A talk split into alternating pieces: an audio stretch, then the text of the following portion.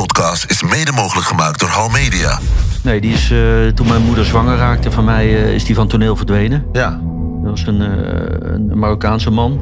Waarom heb je nooit zeg maar, de noodzaak gevoeld om hem te willen opsporen? Ja, dat heeft een hele lange tijd te maken gehad met een gevoel van ja, dat ik hem dat eigenlijk ook wel kwalijk nam dat hij mijn moeder in de steek had gelaten. Wat ik wel heel nadrukkelijk merk in mijn karakter, ik, ik heb wel, laten we zeggen, wat mediterraan temperament.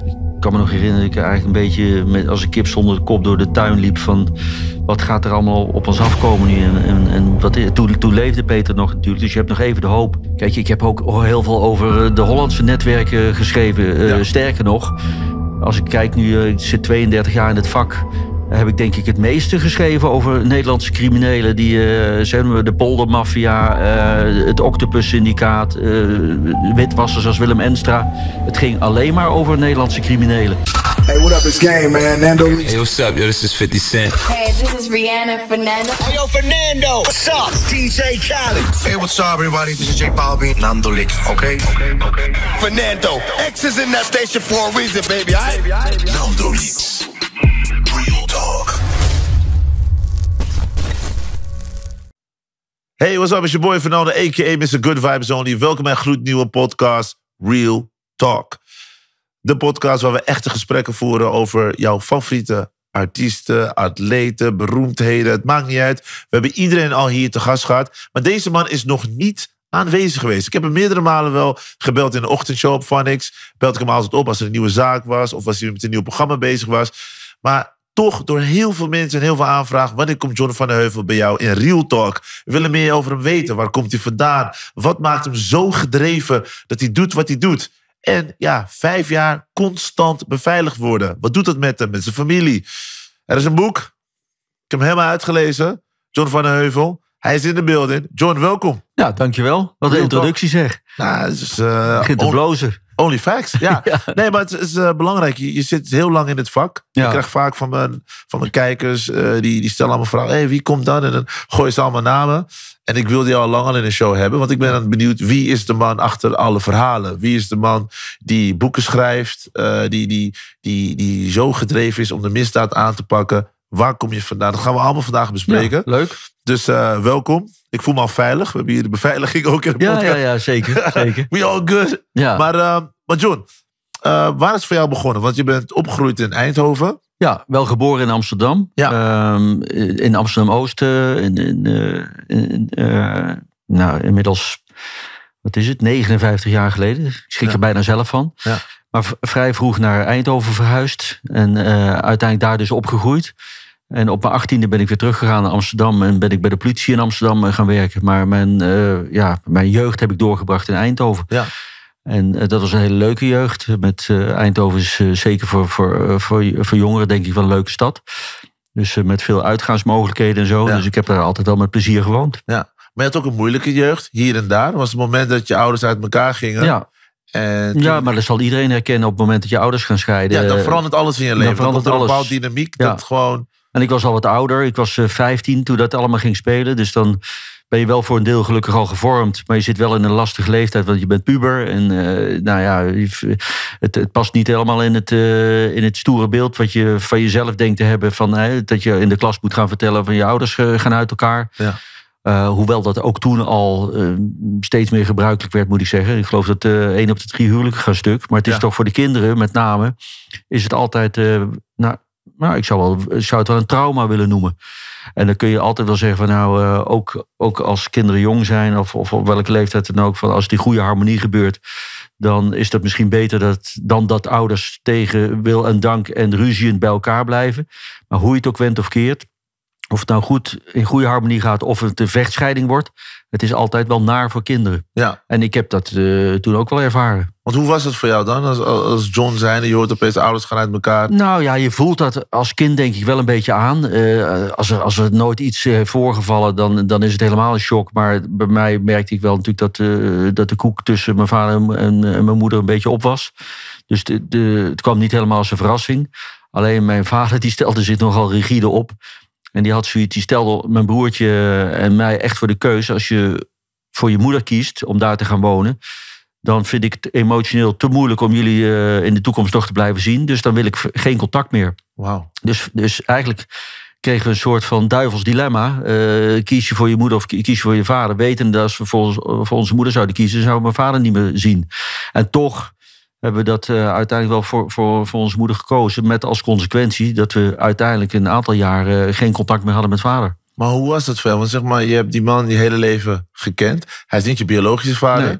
maar je hebt hem je hele leven gekend. Ja. Dus Ja. no blood maakt niet uit. Het gaat erom wie er is. Ja. Dus die, dat is voor jou jouw vader. En dan zie je hem een aantal jaar niet. Nee, dus dat was heel moeilijk. En dat was eh, ja, ook voor mijn, mijn broertje, die wel echt zijn biologisch kind was, was dat, eh, was dat heel moeilijk en pijnlijk. En uiteindelijk is het goed gekomen eigenlijk door bemiddeling van, van, van mijn oma. Eh, dus zijn moeder, die op een gegeven moment zei: ja, eh, hou er nou toch eens mee op en laat die kinderen weer gewoon komen. En, en ik kan me dat moment nog wel goed herinneren. Dat, dat we uiteindelijk wel weer contact kregen. Maar er was wel iets stuk toen. Hè, dat dat zo allemaal was gelopen. En uiteindelijk is dat allemaal wel weer goed gekomen. Maar het was geen fijne periode. Ja, Nee. er ging iets stuk bij jou emotioneel. Ja, dat, dat, je voelt je toch een beetje ja, verlogend, wil ik niet zeggen. Maar het, het- ja, het was wel hard. Het was wel, eh, ik, ik kan me dat ook, nu ik zelf kinderen heb, kan ik me dat niet voorstellen dat je zo hard kunt zijn. Van, nou ja, weet je, ik ga- we gaan uit elkaar, maar ik wil dan, mijn kinderen wil ik niet meer zien. Dat Heb ik ook wel- hoor. Dat, dat- mijn vader is ook niet echt actief in mijn leven geweest. Meer eh, non-actief dan actief. Ja, Dus ik heb een echte rare knipperlichte eh, relatie met hem gehad. Dus drie, vier, vijf jaar zie ik hem niet. Dan zie ik hem één keer per jaar, één Ja. dag. ja. En daar volgens acht, negen jaar niet. Maar Dus was dat ook al in je jonge jeugd zo? dat is gewoon, zo heb ik hem gewoon. Oh, zo heb je hem dat- altijd- zo herinner ken je ik hem. Ik heb maar drie keer iets leuks met hem gedaan. Dat kan Ja. ik me gewoon herinneren. Dat is naar de bioscoop. ja. En dat was dus ook een van de redenen waarom ik de bioscoop zo leuk vind. Dus dat zijn, dan Ja, merk je dus. Uit, je, uit je jeugd dat heel veel emotionele littekens, die blijven nog hangen. ja. Dus ik ken dat. En ik, daarom, weet je, daarom vind ik het ook belangrijk om bij mensen En heb je nu nog van- contact met hem? Nou ja, sporadisch. Het is Ja. meer omdat ehm, hij op een gegeven moment twee zusjes heeft gekregen. Ik, ik heb twee zusjes. Ja, En eh, hij heeft dus twee kids. Dus omwille van hen heb ik dan contact met hem. Maar ik voel toch die kleine Fernando die denkt... maar waarom was je er niet voor mij? En ik ben blij dat zij hun vader hebben. Maar dan voel ik toch altijd... maakt niet uit hoe oud je bent. Je voelt dat toch. Er zit een leegte. Ja, maar toch, en dat merk ik eh, ook in, het- in het programma als ontvoerd, dat ondanks dat hou je toch altijd een loyaliteitsgevoel naar, naar, je, naar je vader of naar je ouders. ja, ja. Wat ze Ik- je ook eigenlijk eh, hebben aangedaan. Bizar. Maar ik hou ook van mijn vader. Ja, ik ook. Ja, maar van mijn stiefvader dan. Ja, het is, het is, het is, eh, het is, het is bizar eigenlijk. Dat je dan, dat toch, het is ook mooi dat je een soort loyaliteit. Maar ik vind wel dat vader zijn, dat is echt iets wat je ook moet verdienen. Ik bedoel, eh, je kan een kind maken, maar een, een echte papa zijn, dat, Ja, dat is andere absoluut. levels. Daarom kan ik heel veel bewondering hebben voor mensen die niet eens wa- waarvan de kids niet biologisch van, Ja. hun zijn, maar dat ze er toch als vader zijn, naar school brengen, Ja. ophalen, eh, voorlezen. Hele, hele normale, maar waardevolle momenten. Ja. Nou, daar ben ik mijn, mijn eh, niet-biologische vader dan wel dankbaar voor. Hij heeft me nooit, in vergelijking met, met mijn broertje of mijn halfbroertje dan, nooit het gevoel gegeven dat ik, eh, ja, dat ik niet van hem was. Hij Ja. heeft ons altijd wel gelijk gesteld. Ja. En dat vind Dat ik mooi, wel- hoor. Ondanks het feit dat het dan na die scheiding even moeilijk eh, werd, heb ik hem dus dat eigenlijk ook ja, vergeven klinkt wat zwaar. Ja. Maar heb ik eh, op een gegeven moment zijn we wel weer gewoon op vo- goede voet gekomen. En hij is, hij is eerder dit jaar is hij overleden. Oh. Ja, nou ja, ook op, een, op een respectabele leeftijd. En eh, ja, dan, dan realiseer je dan toch wel weer eh, hoeveel je van die man gehouden hebt. Ja, eigenlijk. het is wel bijzonder. En Ook mooi dat je kan Ja. vasthouden aan de mooie dingen. Ja, Natuurlijk zijn er altijd, weet je, Ja. people have ups en downs. Maar het is mooi om juist die bijzondere momenten te, eh, te koesteren. Want Ja. hij is voor jou jouw vader. Maar, Ja. Dus dat is je, je hebt een biologische vader, die ken je niet. nee. nee.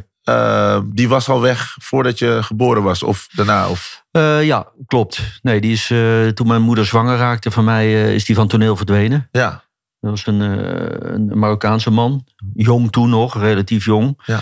Eh, dus die, ja, die had andere gevoelens bij die relatie dan, dan mijn moeder. En eh, ja, is dus van het toneel verdwenen. En mijn moeder heeft me dus de eerste jaren van mijn leven alleen opgevoed. Ja. Eh, hier in Amsterdam.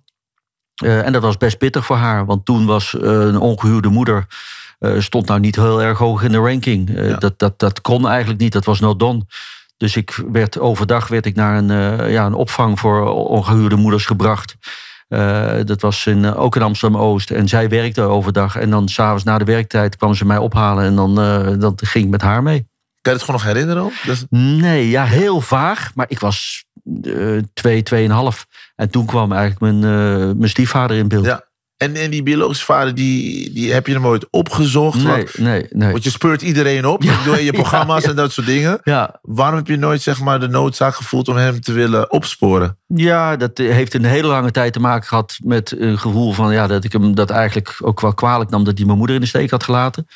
Maar dat is ook omdat je ouder wordt, eh, is dat ook wel iets dat je, waar je nog wel enige voorstelling bij kan hebben. Hè? Op het moment dat je ja, andere gevoelens bij een relatie hebt. En, en dan is de, de, de, de, vrouw in kwestie is ook nog zwanger. Dat, dat je misschien in paniek raakt. Dat je ja, eh, dat je dat niet ziet zitten. Dus, eh, dus, dus dat gevoel van, van kwalijk nemen ben ik wel kwijt. Maar in de jaren daarna, ik heb zelf een gezin opgebouwd. eh, als gezegd, ik, ik heb ook een goede band, of ik had een goede band met mijn stiefvader. Heb ik niet meer echt de noodzaak gevoeld om nog contact te zoeken. En ik had ook wel zoiets van, ja, hij kan mij ook eh, opzoeken. Hij weet van mijn bestaan. Dus eh, het is er gewoon eigenlijk niet van gekomen. En misschien is het onbewust ook wel eh, heeft het te maken met eh, van een, een soort van vrees van wat tref je aan? Met, met, met- met wie kom ik daar dan weer in contact? En, en eh, ja, weet je, ik, nee, ik, heb, ik heb nooit de behoefte of de drang gevoeld die ik wel soms bij andere mensen zie die, die ook in deze situatie zitten, Ja. om echt actief naar hem te gaan speuren. En ik kijk eh, nog altijd heel regelmatig naar het programma Spoorloos. En dan zie je juist wel die zoektochten naar biologische daarom. ouders. Dus, dus, dus, dus, Ja. dus toen ik zeg maar eh, had ondervonden dat je een half Marokkaans was, dacht ik, oh wauw, zou die nog wat weten van zijn afkomst? Want Ja. zeg maar, waar we vandaan komen zegt heel veel over wie we zijn.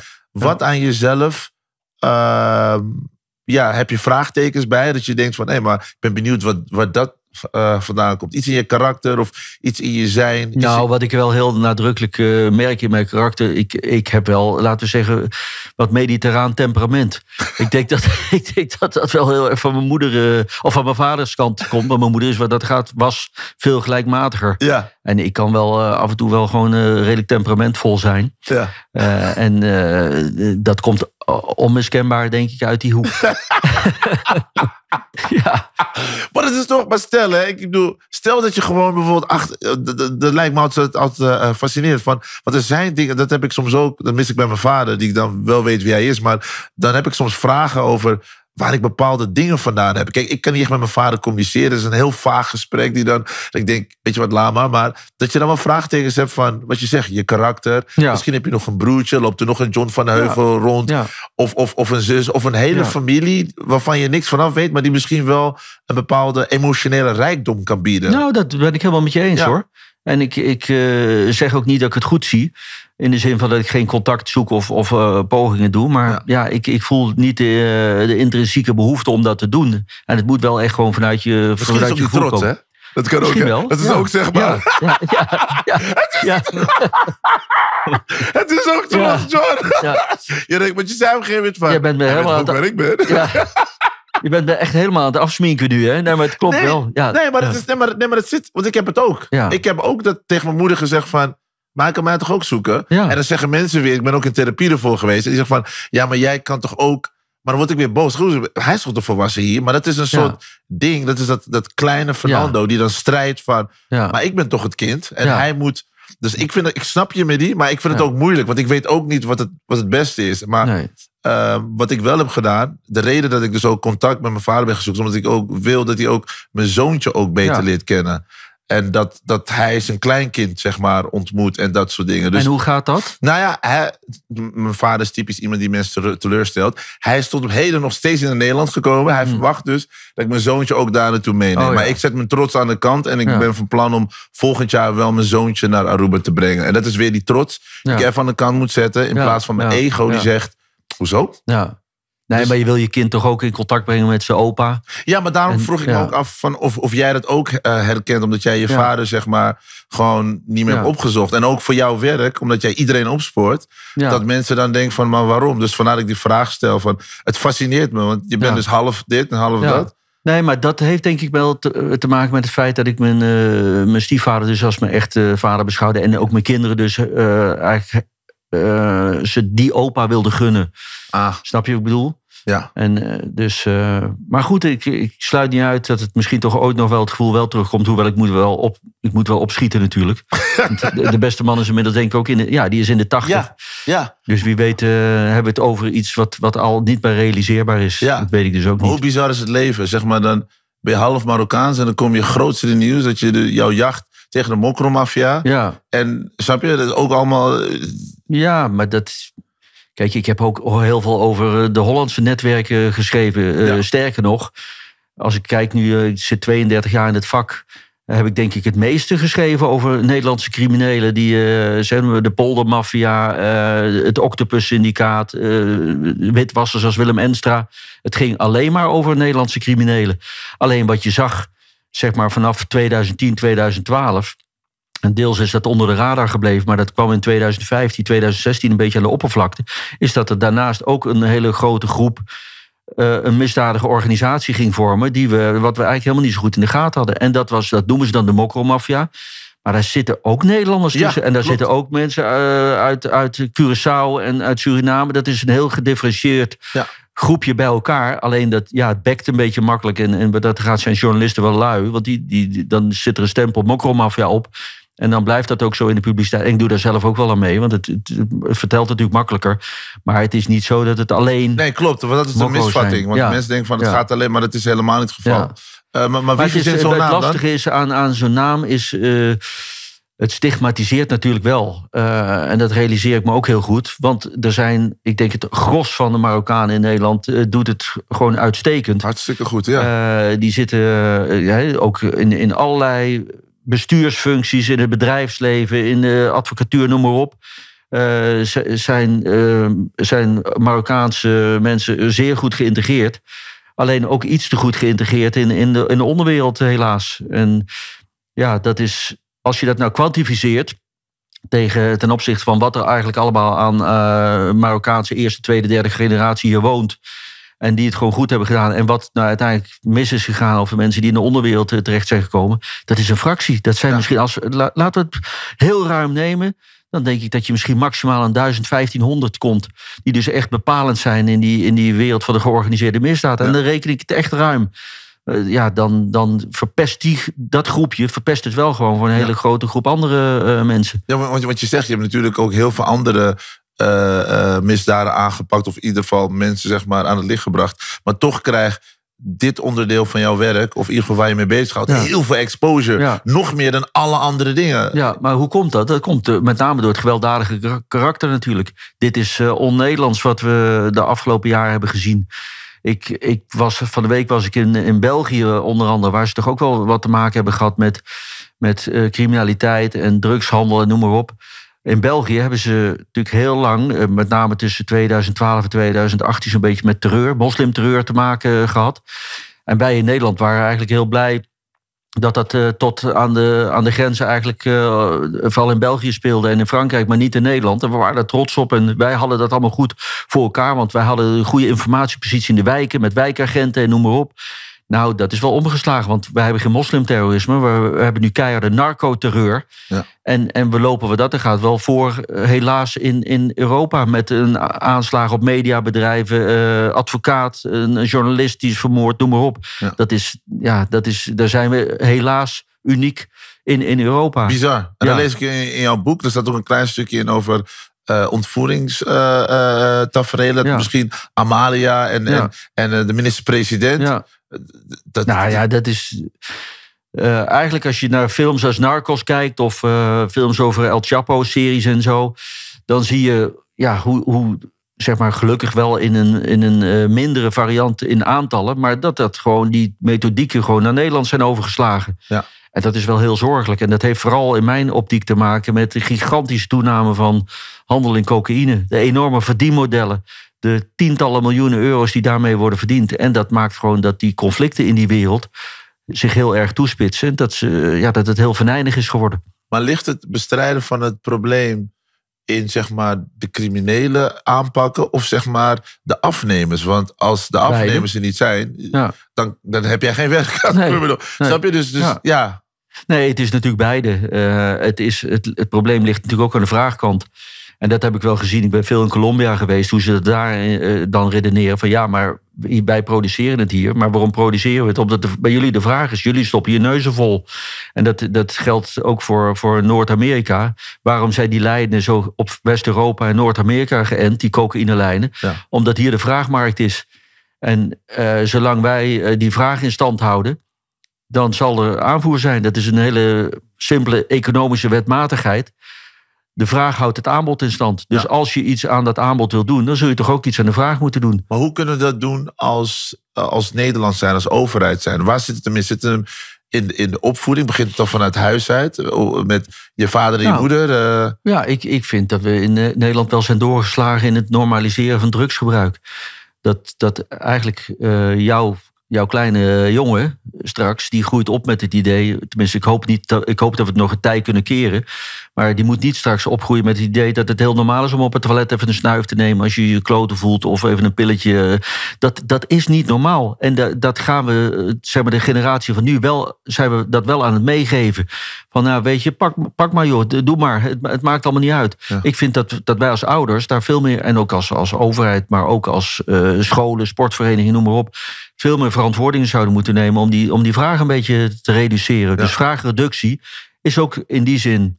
A, eh, snijdt het mes aan twee kanten, want je neemt ook eh, de criminele organisatie een deel van het verdienmodel af. Maar je doet ook nog iets aan volksgezondheid. We proberen wel, en dat zijn we best wel in geslaagd, alcoholmisbruik onder jongeren terug te dringen. Eh, sigaretten. Ik ik zat vanochtend bij, bij Wakker Nederland. Er is nu een wetsvoorstel om sigarettenverkoop ook eh, eigenlijk alle, bij alle eh, verkooppunten weg te halen. Alleen nog tabakswinkels. Waarom, doe, waarom doen we dat? Om het zo onaantrekkelijk mogelijk te maken. Om het moeilijk te, te, te kunnen kopen. Ja. Wat doen we vervolgens met drugs? We hebben alleen maar eh, plannen, met name vanuit een bepaalde politieke hoek. Om dat onder, onder staatstoezicht te gaan produceren. Om coffeeshops meer ruimte te gaan geven. Nou, dus in ieder geval niet een beleid om het gebruik te reduceren. Het is eerder een aanmoedigingsbeleid. Ja, en daar, maar- daar moet er omslag Ja, in maar zijn. hoe, hoe kan dat? Want zeg maar, als je bijvoorbeeld naar jouw programma's kijkt of je leest erover, dan zie je toch dat er echt iets a- aan gedaan zou moeten worden. Bijvoorbeeld bij, bij de kids. Want niemand wil dat zijn zusje of broertje, bij wijze van spreken, drugsverslaafd wordt. Of dat hij allemaal spul gaat gebruiken. Dus ik neem aan dat Ja, de politiek daar wel ja, wat, wat harder zijn best zou mogen doen. ja, dat zou je mogen verwachten. Maar het, het, eh, dat hele debat over legaliseren van, van drugs... dat is zo gepolariseerd en zo politiek beladen bijna... dat je bijna niet meer tot een, tot een soort gezamenlijke aanpak kunt komen. Eh, GroenLinks, D66 zijn heel erg voor alles maar vrijgeven. Ik, eh, er waren, vorige maand waren de ministers van de zes belangrijke Europese landen... ministers van Justitie in Amsterdam... voor een conferentie over aanpak eh, onder andere drugscriminaliteit. Die conferentie werd geopend door de burgemeester van Amsterdam, Femke Halsema... die het op een aantal van, eh, fronten goed doet. Maar toen begon ze daar weer een heel pleidooi... of in ieder geval eh, te spreken over het vrijgeven van cocaïnegebruik en cocaïnehandel. Dan denk je, ja, dat vind ik een heel slecht signaal. Ja, maar stel we zetten jou nu op de plek in de politiek. Je kan alles voor het zeggen hebben. Wat is stap 1? Hoe, hoe pakken we dit aan? Wat, wat kunnen we Dit, dit, zou doen? voor mij, dit zou voor mij echt een heel belangrijk eh, speerpunt zijn. Als het gaat om bestrijding van misdaad, dan zou ik echt ook aan die gebruikerskant gaan kijken. Niet om ze te criminaliseren, maar wel om, ze, om in ieder geval eh, mensen meer ervan te doordringen dat A, je je eigen gezondheid op het spel eh, zet. Maar dat je ook bijdraagt aan een hele criminele economie. Dus dat je eigenlijk eh, dat geweld waar je dan zo tegen bent, hè, als, als Peter R. de Vries wordt vermoord of Dirk Wiersum is het hele land in rep en roer. En het weekend erop staan we weer allemaal lekker eh, van het pakje te scheppen en dan Ja. in onze neus te stoppen. Ook Terwijl- in de zakenwereld wordt veel gebruikt. Ja, hè? Ik hoor over- verhalen overal. over de Zuidas. Ik wil niet generaliseren, maar dat zijn verhalen die ik dan hoor. Want ik gebruik zelf geen drugs. Maar dan hoor Ja. ik... Er zeggen mensen van, van nou, je moest het weten. Die, dat, zus. En Ja. dan... Ja, ja. Nou ja, dus, dus dat, dat bedoel ik met dat normaliseren van drugsgebruik. Daar moet je een beetje vanaf, Ja. in mijn optiek. En ik wil niemand zijn genot afpakken. Eh, ik bedoel, een Het is je zeker... lijf, je mag doen wat je wil. Maar ik merk Ja. wel dat doordat het genormaliseerd wordt... Dat het een beetje als normaal gezien wordt. Van, oh, we kunnen het ook doen. Ik ben daar bang voor, voor, voor, voor, voor, ja, voor mijn familie en kids en jonge kids... die daarmee in aanraking eh, kunnen komen. Dat heb ik me altijd over eh, gefascineerd. Maar je bent dus eh, een van de bekendste uh, misdaadverslaggevers van Nederland. Lange tijd was Peter R. de Vries en jij gewoon... Zijn jullie altijd bevriend geweest? Want ik, toen ik jullie namen hoorde over de jaren heen, denk ik... Zijn ze soort Lionel Messi en Ronaldo van dit? Hebben ze ook een soort... Nee, maar dat vraag je je af. Ja. Van, zijn ze bevriend met elkaar? Of Ja. de- weet je, spelen ze verhalen door of niet? Of denk je, als ik hem eerder heb, dan heb jij... Hoe was dat? Wij zijn eh, niet bevriend geweest in de zin van dat we bij elkaar over de vloer kwamen voor verjaardagen of partijtjes. Of dat we met elkaar op vakantie gingen. Eh, dat niet. We gingen wel vriendschappelijk met elkaar om. Eigenlijk vanaf. Ik, ik kwam in 1990 bij de Telegraaf te werken en hij was daar net weg. Hij was er een jaar daarvoor weggegaan. Maar we hadden wel eh, vrij snel contact toen. En ik kwam natuurlijk uit de, uit de politiekringen vandaan. En hij zat al wat langer in de journalistiek. Dus ik keek best wel tegen hem op als misdaadjournalist. En, en we kregen eh, eigenlijk ook wel veel met elkaar te maken. En, en zo is dat wederzijdse respect toen in die jaren wel ontstaan. En eh, er zijn wel, eh, laten we zeggen, onze karakters waren niet altijd, of die zijn niet gelijk. En da- daardoor hebben we wel eens gebotst, maar nooit in de zin dat er geen respect was voor elkaar. En eh, eigenlijk de laatste jaren eh, ja, was die verstandhouding prima. We hebben de zaak van Willem Holleder hebben zelfs voor een deel met elkaar opgetrokken. Eh, Informatie uitgewisseld en dergelijke. En ik kan me herinneren, ongeveer anderhalf jaar voor zijn dood... hebben we nog een gezamenlijk interview gegeven aan een omroepblad. Nou, waren eigenlijk alleen maar vol lof over elkaar. Dat was bijna op het gênante af. En, ja, en toen uiteindelijk is er toch het een en ander gebeurd... waardoor we niet meer, laten we zeggen, die, die goede band met elkaar hadden. Het ging opeens mis. Het ging opeens mis Oh. en dat escaleerde behoorlijk. En dat is uiteindelijk niet meer goed gekomen. eh, met als gevolg dat, dat door zijn dood eigenlijk dat ook nooit meer goed zal komen. Oh, wauw. Ja. Ja. Oké, oké. Maar iets heftigs? Of, of- Nou eh, ja, dat, daar heb ik ook wel iets, iets over verteld. Maar dat had te maken met zijn rol als eh, vertrouwenspersoon van, van de kroongetuigen in het Marengo-proces. Ja. Eh, waar we van mening over verschilden. Eh, er was een conflict eigenlijk ontstaan over, of, of daar hadden we animositeit over, over hoe de, eh, de advocaat die na eh, Dirk Wiersum de kroongetuige ging bijstaan, dat was Oscar Hammerstein. Nou, die, die stak zijn nek uit. Er was in een periode dat eigenlijk niemand hem wilde bijstaan, die kroongetuige. Dirk Wiersum was vermoord. Geen advocaat in Nederland wilde de kroongetuige nog bijstaan. Onbegrijpelijke redenen. Maar eh, de, eh, Oscar Hammerstein, die advocaat, die, stak wel zijn nek uit. En die zei van, eh, nou, ik ga het doen. Ik pak die handschoen schoen op. Zette zijn leven ook op zijn kop. Want die moest natuurlijk ook beveiligd worden. Moest, zijn hele kantoor moest beveiligd worden. Er stapten mensen op bij zijn kantoor die dat niet wilden allemaal. Dus die, die, nou, die, die toonde wel ballen, vond ik, in, in die fase. Alleen toen kreeg die Nabil de kolder in zijn kop. En die had het idee van, nou, die wilde ook Peter dan als woordvoerder, Peter R. de Vries.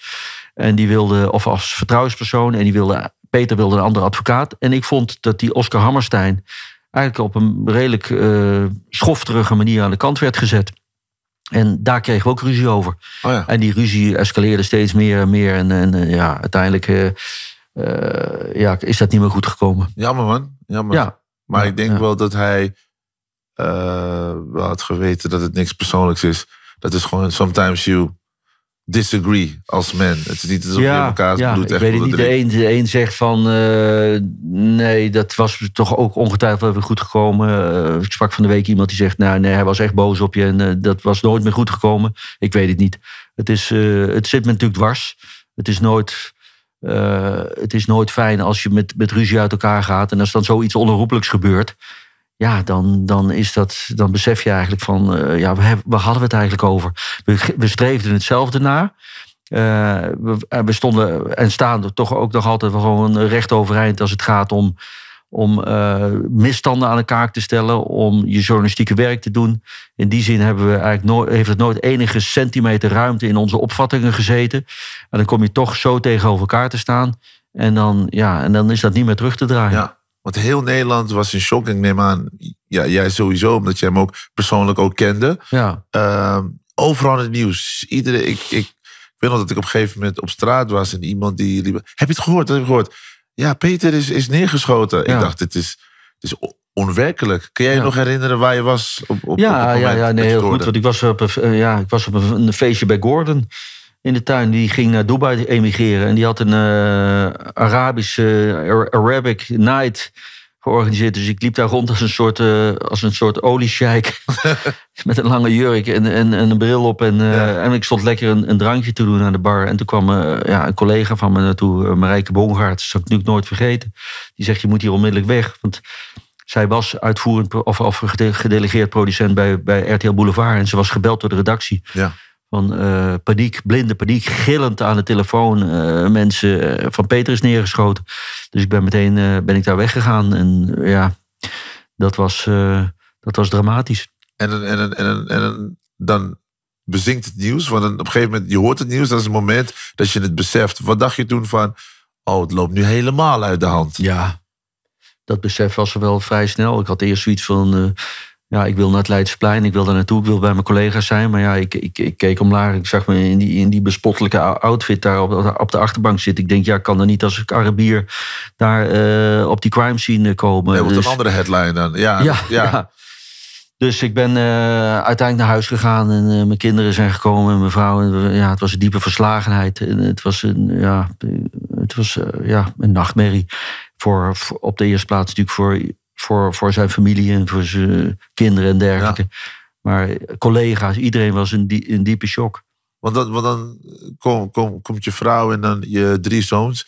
Die zeggen dan, pap, joh, zeggen ze dan van, moet jij niet stoppen? Of, want ik kan me voorstellen Die dat je dan... die avond niet. Nee, we waren eigenlijk alleen maar ja, in verslagenheid bij elkaar. En, en ik, ik kan me nog herinneren dat ik eigenlijk een beetje met, als een kip zonder de kop door de tuin liep. Van wat gaat er allemaal op ons afkomen nu? En, en, en wat, toen, toen leefde Peter nog natuurlijk. Dus je hebt nog even de hoop van nou, misschien valt het allemaal mee. Eh, maar al heel snel circuleerden er filmpjes op internet. Eh, gruwelijke filmpjes eigenlijk. Maar voor, voor, voor mijn brein was het toch goed om ze te zien. Want ik, ik kon het gewoon niet geloven. Ik, dat is heel moeilijk. Je, je krijgt iets, een, een, een boodschap te horen, maar je gelooft het niet. En ik zag dat filmpje op een gegeven moment voorbij komen. Ik denk, dit, dit- ik geloofde toen of vanaf dat moment ook niet meer dat het goed zou komen. Ja, verschrikkelijk. Ja. En, en, en, en weet je, want ik zei net aan het begin van de eh, podcast, jij was zeg maar jaren heftig beveiligd. Ja, Eh, next level. Ik bedoel, voordat we de podcast begonnen, was er gewoon de standaard routine. We gaan niet vertellen hoe dat gaat, maar het was gewoon next Ja. level.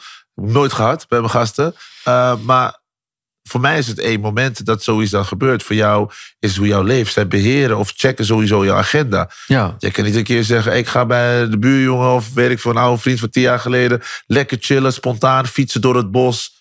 Dat Nee. is finito. Nou, dat kan wel veel, maar, maar de, ja, de spontaniteit is een beetje af. Want je moet het altijd van tevoren... eh, ja, moet je het natuurlijk aankondigen en je agenda delen, omdat er onderzoek, eh, vooronderzoek plaatsvindt en voorverkenningen, noem maar op. Nou, ik hoef het allemaal niet te benoemen. Ja. Maar het is, ja, dat, dat je bent, in zekere zin ben je wel je vrijheid kwijt, ja. Ja, dat klopt. Maar er staat ook, eh, ja, ik, bij mij is het glas altijd half vol. je bent dan positief. Ja, bent ja, ja, ja, bent optimistisch. Ja. Nee, maar dat is misschien een overlevingsinstinct. Ik weet het niet. Maar ik ben niet iemand die gauw bij de pakken neerzit. Ik zie, zie wel altijd weer gewoon de mogelijkheden om... Ja, weet je, dan, dan heb ik eh, nu in ieder geval meer tijd om op de achterbank te werken. Of, of af en toe eens met, met mijn hoofdtelefoon op naar muziek te luisteren. En eh, ja, zo probeer je er maar wat van te maken. En het is voor die mensen met wie ik de hele dag op straat eh, ben... eh, die ik, die ik, waar ik veel respect voor heb... ook niet prettig als ik 's ochtends in de auto chagrijnig stap... en zeg van, nou, ik heb er geen zin in hoor vandaag. Ik bedoel, je, met elkaar ben je de hele dag op pad. Dus ja, dan moet je er ook wat van maken. En de ene keer is dat, eh, is dat gezellig en. En de andere keer ben je wat meer in jezelf. Maar weet je, je moet wel de dagen doorkomen. Ja. En dat vind, ik, eh, dat vind ik op zich geen straf. Wat ik wel een straf vind, is dat, ja, dat je ja, die spontaniteit eh, kwijt bent. Ja.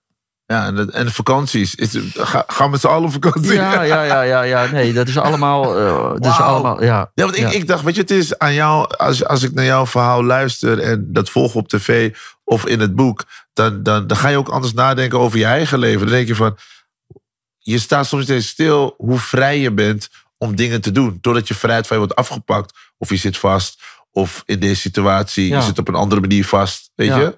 Dan, dan ga je wel eens denken van, hé, hey, dat wandelen gewoon zo uit het niets, of Weet je, ook zoiets eh, geks. Ehm, nou, ik zat van de week zat ik bij, eh, in België aan, aan, een, aan een televisietafel, aan een talkshow. Ja. En daar zat tegenover me zat een eh, chirurg. Een jonge chirurg, jonge vent, ergens begin 30. En die vertelde, die is negen maanden geleden, is hij tijdens een rondje fietsen, eh, kwam hij door domme pech, viel een boom op, kwam op zijn rug, nek terecht, eh dwarslesie. wauw. Zat daar in een rolstoel aan tafel.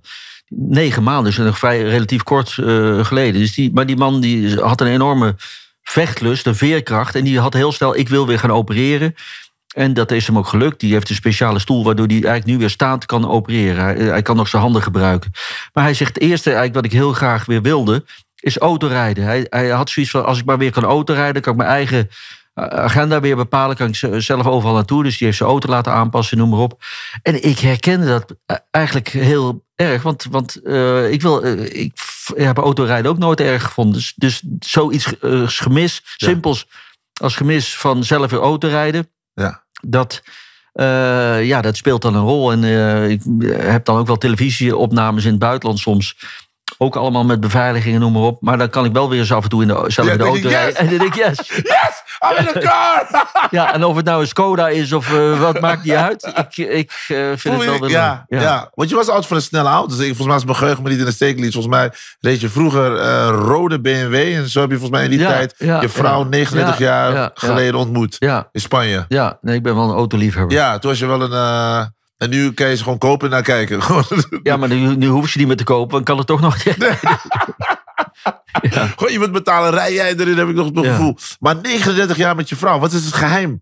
Want ja, ik bedoel, dit, dit ook nog eens erbij met beveiliging en Ja, je nee, werk. het geheim, het geheim ligt echt bij haar. In de zin van, eh, ja, dat, we hebben natuurlijk een heel, heel raar leven gehad. Ook in, in, de periode dat ik haar leerde kennen, werkte ik nog bij de politie. Maar ik heb toen ook twee jaar heb ik undercover gewerkt. Dus eh, ja, dat noemden ze een pseudokoper. Dus infiltreren in het drugsmilieu. Ik weet nog dat om dat werk te mogen doen, werd je eindeloos gescreend tegen testen en noem maar op. En een onderdeel van, het, eh, van de selectieprocedure was een huisbezoek van een psycholoog. Want de gedachte was, en dat is wel terecht, van als, jij thuis, als jouw thuisbasis niet op orde is, dan kan je dit werk niet doen. Want dan ga je, je hebt zoveel spanning en stress, dan ga je misschien de kroeg in. Of je, Ja. Dus ze wilde, die psycholoog wilde ook een gesprek met mijn toenmalige vriendin. Hè, ze was toen Ja. nog mijn vriendin. Wat is dit nou weer? De Ja. therapie? Dus die, die heeft daar een heel gesprek gehad. En, en toen, een van de conclusies was ook al toen van die psycholoog, dus echt lang geleden. Van nou ja, eh, je vrouw heeft een enorme veerkracht. En eh, ja, ze is ook niet bang. Dus in die zin eh, denk ik wel dat het een goede match is. En, eh, en dat is ook zo gebleken. Wauw. Dus ze is, is echt altijd aan mijn zijde blijven staan. En daar verdient ze het allergrootste respect voor, eh, moet ik zeggen. En, ik, en zeker ook in deze situatie. En ik was eigenlijk zo. En ik ben er zo dankbaar nog steeds. Want eh, ja, het heeft er zelfs uiteindelijk de baan gekost. Ja, dat hoor, want ze gaf les zeg maar, Ja, op de basisschool. ja. En het bestuur van de basisschool, die vond het... eh, Ja, die vond dat, eh, dat hele aspect van dat zij mijn partner is. En, en dat er misschien op school wat, wat voorzichtige voorzorgsmaatregelen moesten worden getroffen na de dood van Peter. Want iedereen stond natuurlijk op scherp. Dat vonden ze allemaal maar niks. En toen hebben ze gezegd van eh, na 40 jaar onderwijs eigenlijk kwam het erop neer. van ja, we hebben toch liever dat je vertrekt. Verschrikkelijk. Ja, haar, hoe is dat voor haar? Want maar, dat, is, dat, haar passie. Jij kan je passie uitvoeren. Ja. Maar door jouw passie indirect Ja, is haar passie ontnomen. Ja, dus dat was een hele verdrietige tijd. En nu, nu is daar wel weer overheen. Maar, maar het blijft knagen. En als jij zo lang je, je passie uitoefent. en uiteindelijk moet je het werk neerleggen. omdat je met pensioen gaat voor ander werk. dan, dan is dat al om een natuurlijke reden, zeg Ja. maar. Maar dit, dit knaagt gewoon. En, Ja. en dit is niet de manier waarop je na zo lange tijd eh, hoopt afscheid te nemen. Wat Dus gaat ze nu doen dan? Gaat ze iets anders doen? Een nieuwe... ja, ze is met, met andere dingen, dingen bezig. leuk. Dus dat, dat gaat goed. En ik denk, ja, hoe, hoe kan ik dat? Dus ik denk, ja, zo'n vrouw. je daar schuldig op zo'n Ja, moment? natuurlijk. Ja. Dat je denkt, shit, schat, zo Ja. extra bloemen halen. Wat, Ja. wat, wat doe je dan? Hoe, maar, ja, want dat, Ja, je probeert extra lief voor haar te zijn. En, Ja. eh, maar ja, ik denk, wat kan ik daar doen? Ik denk, weet je, ze, verdient een leentje. Dus ik, ik op die site eh, gekeken eh, van... eh, Dat, dat verafschuwt ze, denk ik. Maar ik denk, ik wilde, ze verdient een leentje. Dus ik op die site, hoe je dat aanvraagt. Dus ik heel uh, epistel opgesteld. Naar de, naar de gemeente gestuurd waar ik woon. En maar toen kreeg, ik een toen kreeg een heel cool berichtje terug van... Nee, want je moet dan zo, zo- zoveel uren dit en zoveel uren dat. Dus dat ging ook niet door. Maar ik denk, maar ik denk weet je... Ik, ja, ze, eigenlijk verdient ze een leentje. dus jij was al bezig om een officieel lintje voor je vrouw te nemen. ja, Just next level. Hey, je moet het goed maken, maar dan Ja. breng je dan een lintje. Ja. Ja, dus ze, ze moest wel verschrikkelijk lachen toen, ik- toen ik vertelde... en ik de afwijsbrief liet zien. ik zeg, sorry schat, ik heb het geprobeerd. Maar misschien eh, in een later staat. Maar ze verdient het echt. Ja, ze verdient de intentie is al mooi. Dat je in ieder geval. eh, Nee, maar ik kan me voorstellen van. Jij kan, want dit is echt jouw passie. Dit is echt Ja. jouw. Jij bent bereid om. ja, Je geeft er alles voor. Ja. Dat is wel knap, hè? Dat is wel. Want ik zeg je eerlijk. eh, Ik, ik denk dat er heel weinig mensen zijn die dat zouden doen. Vooral omdat. Je hebt ook een gezin. Snap Ja. je? En een gezin is Ja. voor veel mensen. Voor mij zou ik denken: hey, jongens, Ja. peace out. Ik ga schrijven over. eh weet ik veel. Over een. eh, een, eh, een kast, bij wijze van spreken. Snap je? Dus ik, ik, ik, ik, ik, heb me altijd afgevraagd van... Was er ergens, al is het een 10 seconden, millimeter stukje... dat je ergens dacht, is dit het wel waard? Ja, maar ik vind dat, eh, ik vind dat eigenlijk een verkeerde vraag. Natuurlijk is het het niet waard als je doodgeschoten wordt. En natuurlijk zeggen de nabestaanden van Peter niet van... eh, nou, het was het toch waard, weet je. Die hopen, die hopen gewoon... Die, of die, die, die hoopten gewoon natuurlijk dat ze nog lang van hem eh, zouden kunnen Nee, genieten. maar bijvoorbeeld jij als, Ja. als misdaadverslaggever, dat jij daadwerkelijk, je doet je werk, je schrijft je artikelen, Ja. eh, je maakt je programma's. Dat op een gegeven moment, als je op een gegeven moment het belletje krijgt, we gaan jou heftig beveiligen. Ja. Dat je dan op een gegeven moment denkt van, ja, maar luister dan, eh, eh, niet alleen ik, nu is alles. Dat je op dat Ja. moment dan denkt van, meer die vraag van, ja, maar is dit het waard om dit allemaal op te geven voor dit? Ja, is mijn nou. passie zo belangrijk? Onbewust zal het ongetwijfeld wel eens door mijn hoofd eh, Ja. hebben gespeeld. Dat ik er gewoon even geen zin meer in had. Ja, dat. En zeker na, na de moord op Peter heb ik ook wel gezegd, en zo voelde ik het ook, dat de glans van mijn werk eh, af was. Dat, eh, dat heeft best wel lang geduurd. We zijn nu eh, anderhalf jaar verder, maar het heeft best wel lang geduurd voordat ik ook wel gewoon echt het gevoel had van, nou, nou ik ben er eigenlijk wel weer in de zin van dat ik wel weer plezier kreeg in mijn werk. Maar dat heeft toch best wel lang, zeker dat eerste jaar, was het plezier wel weg.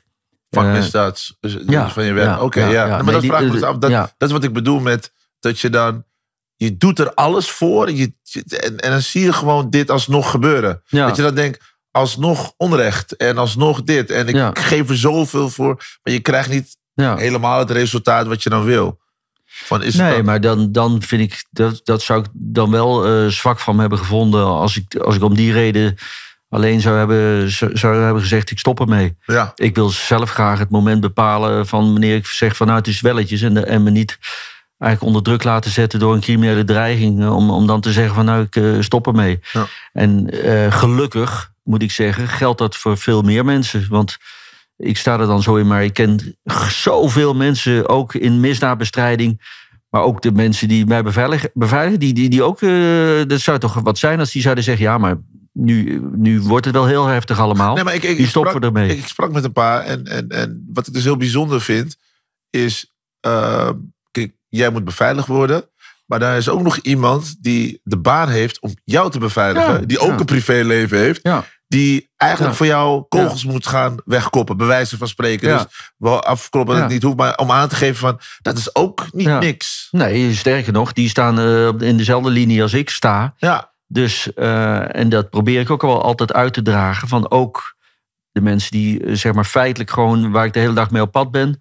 Maar ook de mensen achter de schermen. Ja. Eh, maar ook een aantal advocaten, officieren van justitie, Ja. eh, politiemensen, zelfs ook rechters, politici, niet te vergeten. Eh, heel veel beveiligd. Ja. het is echt in Nederland, als je dat goed analyseert, wat er de afgelopen tien jaar op dat vlak is gebeurd. ja, dat is eigenlijk totaal de verkeerde weg die we aan het inslaan Ja. zijn. Maar En- deze mensen worden toch gewoon familie van jou op een gegeven moment. Want ik bedoel, als ik, elke dag met je ben. Ik weet niet of zij het, of zij het zo zien. Maar zij maken wel, eh, en het is een grote club, dus ik zit Ja. ben lang niet met, met iedere dag met dezelfde. Maar zij maken me mee op begrafenissen, op verjaardagen, op, eh, ja, op eigenlijk alles wat ook in een gewoon normale mensenleven speelt. Ja. Dus in die zin zien ze wel veel mee. Ja, Ja. ja. dat is geen. Ja, zijn je broeders. Gewoon gaan gamen. Hebben ze al, Ja. je bent nooit alleen. Gewoon lekker Nee. met een feestje even vieren. Lekker hangen. Maar, maar, maar ga je ook nog door met eh, eh, het programma Ontvoerd? Ga je dat nog? Ja, we zijn nu in de, weer in de fase van opnemen. Dus ik eh, vertrek binnenkort vertrek ik weer naar een ver land om een ontvoeringszaak inderdaad te, te gaan kijken of we die kunnen oplossen. Ja. We hebben er nu twee al opgenomen. Dus eh, als het goed is, ergens uit mijn hoofd januari, februari komen er weer nieuwe afleveringen. Ja. Ja. Heel vet. We hebben ook nog een paar, eh, we hebben toch een paar kijkersvragen nog. John van den Heuvel in podcast, Real Talk. Jazeker. We hebben ook nog eens... Ja, iemand zegt... eh, John van Heuvel, heb je gehoord van ritueel misbruik... en hoe dit al langer in het doofpot wordt gestopt? Er is best veel eh, over aan het licht gekomen de afgelopen jaren... maar er lijkt niets meer gedaan te worden. Ben je van plan om hier onderzoek naar te doen? Aldus en Chantal. Ritueel misbruik, eh, daarmee wordt bedoeld secteachtige Ja. bewegingen die zeg maar, kinderen mishandelen of Ja. martelen of andere dingen. Ik moet je eerlijk zeggen, eh, heel soms krijg ik daar, daar tips over. En dan, dan lees ik dat uiteraard en dan probeer ik daar ook eh, gewoon onderzoekstechnisch enige handen en voeten aan te geven. Maar het is, ja, het is zo verscholen en, en zo eh, ja, onder de radar eigenlijk. Dat ik moet zeggen, eerlijk zeggen dat ik, ik heb mijn focus op een aantal dingen. Maar minder op dit onderwerp. Waarmee ik niet wil zeggen dat het niet gebeurt of dat het geen aandacht behoeft. Ik weet dat mijn collega Albert ter Stegeman. er wel in het verleden wel eens mee bezig is geweest. Ja. Dus eh, ja, het is op een hele beperkte schaal. Maar Ja. en, en eh, als het echt zo is op die schaal, eh, zoals soms wordt gesuggereerd, dan is het buitengewoon ernstig. Maar ik denk dat dat dan toch ook wel gewoon heel erg op het, op het bord ligt van, ja, van bijvoorbeeld de zedenpolitie of jeugdpolitie of iets dergelijks. Ja, dus daar zal sowieso. Nee, want ik- je leest wel wat van online dat je denkt van wow, damn, dat, dit moet echt hard aangepakt worden. Ja. Dus eh, nee, verschrikkelijk. Nou, Eh, hetzelfde, geldt, hetzelfde geldt natuurlijk voor, voor, voor eh, zedenzaken. Hè? Dus misbruik van jonge kinderen. eh pedofiele netwerken en dergelijke. ja, die, die, die schijnen in Nederland, wat ik altijd hoor, die, die schijnen intens te zijn hier. Ja, dat er echt een- Een, een goede vriend van mij heeft jaren bij de zedenpolitie gewerkt in Amsterdam. Dus die vertelde daar wel eens wat over zonder, zonder eh, al te de- gedetailleerde informatie. Maar dat is echt, eh, nou, oh, die mensen wat die allemaal meemaken, joh. eh, die moeten dus ook, die, hij moest soms urenlang moest hij naar dat soort filmpjes kijken. Want dat moet dan allemaal in proces verbaal worden beschreven. Dat spoelde hij dan snel door. Maar, maar dat, is, ja, dat is ongekend. Maar dit verdient ook, zeg maar, ehm, meer aandacht, vind ik, zeg maar, ook op, op Ja. tv. En, en weet je, ik denk dat jij ook daar ook de juiste persoon bent. Je bent iemand die als zijn tanden niet zet. Maar ik denk, Ja. dit zijn een onderwerp dat aan kids moet je gewoon niet komen. Nee. Dat is, Nee. dat is, I don't care what you do, dat is gewoon, weet je, ik denk dat elk verstandig persoon ook zo over, over denkt. Dus ik Ja. denk wel dat daar wel een programma Ja. ligt. Nou, we hebben, of ik heb in het verleden daar ook wel programma's over gemaakt. In, in, in, in bredere zin eh, over online misbruik. eh, waarbij soms ook minderjarigen in ieder geval eh, slachtoffer waren. Ja. En eh, ook in eerdere misdaadprogramma's eh, heb ik altijd wel gewoon, als we een reeks maakten van, ik noem iets, acht afleveringen. Dat er toch altijd wel één of twee afleveringen Ja. in zaten die dan eh, daarmee te maken hadden. Ja. En, en je krijgt daar, wat jij zelf zegt, je krijgt er ook altijd wel meteen iedereen voor, voor opgeschud en gemobiliseerd. Want iedereen met een beetje gevoel en gezond verstand weet natuurlijk hoe, hoe verschrikkelijk dat is. Ja. En de straffen kunnen ook wat meer intenser. Die vind ik soms een beetje. Oh, hier zie ik nog een vraag binnen. Wat is het effect van jouw werk met de nodige risico's op jouw dierbaar? Welke invloed heeft dit op hun leven? Als een Brian. Ja, dan, nou ja, daar heb ik eigenlijk al iets over gezegd. Het is, eh, wat, wat, wat voor mij geldt, geldt voor hen ook. En eh, ja, als ze dan desondanks gewoon ook zeg maar één lijn blijven vormen, dan kan je, mag je daar alleen maar heel erg dankbaar voor zijn. Nog een vraag. Kan je wel eens echt ontspannen? En zo ja, hoe dan? Ja, bij, eh, bij PSV. Dat is naar PSV. Ja. Nee, natuurlijk. we- Weet je, ik, ik, gelukkig eh, verkeren we in de omstandigheid dat we ook wel gewoon nog steeds, eh, en dat kost natuurlijk meer organisatie dan vroeger, maar nog steeds leuke dingen kunnen doen. Ook st- steeds nog ontspannende dingen. En wat dat dan allemaal precies is, dat hoef ik niet uit te leggen. Maar nee, ik, ik kom echt wel aan mijn portie ontspanning. En wat, wat, wat dan ook weer, eh, ja, weer positief is aan het hele verhaal. Ik heb het sporten weer een beetje ontdekt. Je bent wel fit, hè? Want je bent niet, zeg Nee. maar, eh, eh, uitgedijd. Sommige mensen gaan aan alle kanten op. En dan denk je, oh, wow, Ja. what happened? Dan hebben ze allemaal smoesje. Ja, Ja. corona, dit, dit, dit dat. Maar jij kan niet echt joggen over straat of naar een normale wel, sportschool. kan wel, maar het probleem eh, alleen is, Fernando, die, die gasten die meegaan, die zijn zo fit. En dan eh, ga ik het bos zitten en dan denk ik een heel lekker tempo te hebben. Maar dan hoor ik ze achter gewoon over vakanties praten en dit soort dingen. Terwijl ik helemaal buiten adem ben. dus ik denk dan van, nou weet je, ik doe het lekker in de tuin of op een andere plekje. Eh, met, een- met een, wel met een coach. Ja. Want ik, ik, ik ga niet meer naar sportscholen of iets dergelijks. Maar dat bouw je toch gewoon thuis? Dan ga je gewoon thuis een ja, mini-gym. ja, een gym thuis. Dan kan je ook, kan je ook prima sporten. Maar wel tof ook, jouw vrouw weet altijd waar je, waar je bent. Ik denk dat de meeste mannen denken van... Bij Jordan van de Heuvel, zijn vrouw weet gewoon waar hij is. Ja, hij is daar. Geen probleem, hij is precies daar. Nou, als je, als je zeg maar echt een, een vreemdganger bent en, en je wil er vanaf, dan moet je de persoonsbeveiligingen moet je gaan. Ja, kan, die kan ik. Je kan- Ik kan, nooit een roddel komen. Ja, Nee. van de Heuvel gezien met een vrouw. Waar? Nee, dus dat is voor mijn vrouw een hele grote geruststelling. Hoewel, nou, Ja. Nog één vraag. eh, we zien hier zo. eh, even kijken. eh, je doet dit werk al heel lang. Hoe lang wil je dit nog blijven doen? En eh, waar zit de uitdaging nog in voor jou qua werk? nou, ik wil het toch wel even een paar jaar blijven doen. Het, zolang het leuk blijft, blijf ik het doen. En Als Ja. je op een gegeven moment zou zeggen van nou, ik vind het niet leuk meer. Ja, dan, maar dat geldt voor iedereen, denk ik. Als je, tenminste, ik denk dat er wel meer mensen zijn die misschien helemaal geen zin hebben om, om, om te werken. Maar dat voor hun geld moeten doen. Dus, dus ik verkeer me in de, in de prettige omstandigheden. Dat ik een aantal leuke dingen kan doen. Eh, dat ik een, bij de Telegraaf een goede werkgever heb, maar ook bij RTL. Ik heb een eigen, ook mijn eigen dingen voor het, eh, als televisiemaker. Ja.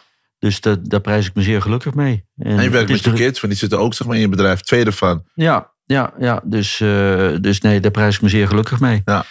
Nou, John, ik weet dat je er zo eh, vandoor moet gaan. Ik vond het super tof dat je in mijn podcast eh, wilde komen. Vele verzoeken. Heel veel mensen zeiden van, wanneer komt John van Heuvel? Hij is er. Dus alle vragen, zeg maar, die worden ingewilligd. Het wordt helemaal goed. Dus Ja. het komt helemaal goed. Eh, Nee, ik vond het leuk bij jou eh, te gast te zijn. Je weet, eh, ik ben een trouwe fan en luisteraar. Dus het was voor mij, het was meer een agenda dingetje dat het wat langer duurde. Maar ik eh, ben altijd graag bij je te gast. ah, En je hebt, eh, ja, je hebt gewoon een, een, een leuk eigen tijds, eh, maar ook een eigenzinnig programma. En dat doe je goed. Dus Dankjewel, man. ga door. You. Ga vooral door. Real Talk is, wat ik al zei, het is de podcast waar mensen iets beter leren kennen. En wat, ja, wat dieper gaan op hoe iemand persoonlijk in elkaar zit. Omdat ik denk dat heel vaak worden programma's gemaakt, of er zijn interviews waar je eigenlijk alleen maar het oppervlakkige ziet. En ik wil juist altijd een beetje kijken van wat motiveert iemand. Maar daarvoor moet je altijd een beetje wat dieper kunnen graven. Ja. En geïnteresseerd zijn in de mensen. In plaats van, Ja. oh dat doe je. Ik ben zo'n politieagent. Nee, maar de kern is al eerder gebouwd in je vastberadenheid. Ja, Dat zit in je karakter, zit in je DNA. Dus eh dankjewel dat je in ieder geval sowieso hier wilde zijn. En eh, ik zie je snel. Zeker Eh, weten. Je ziet het.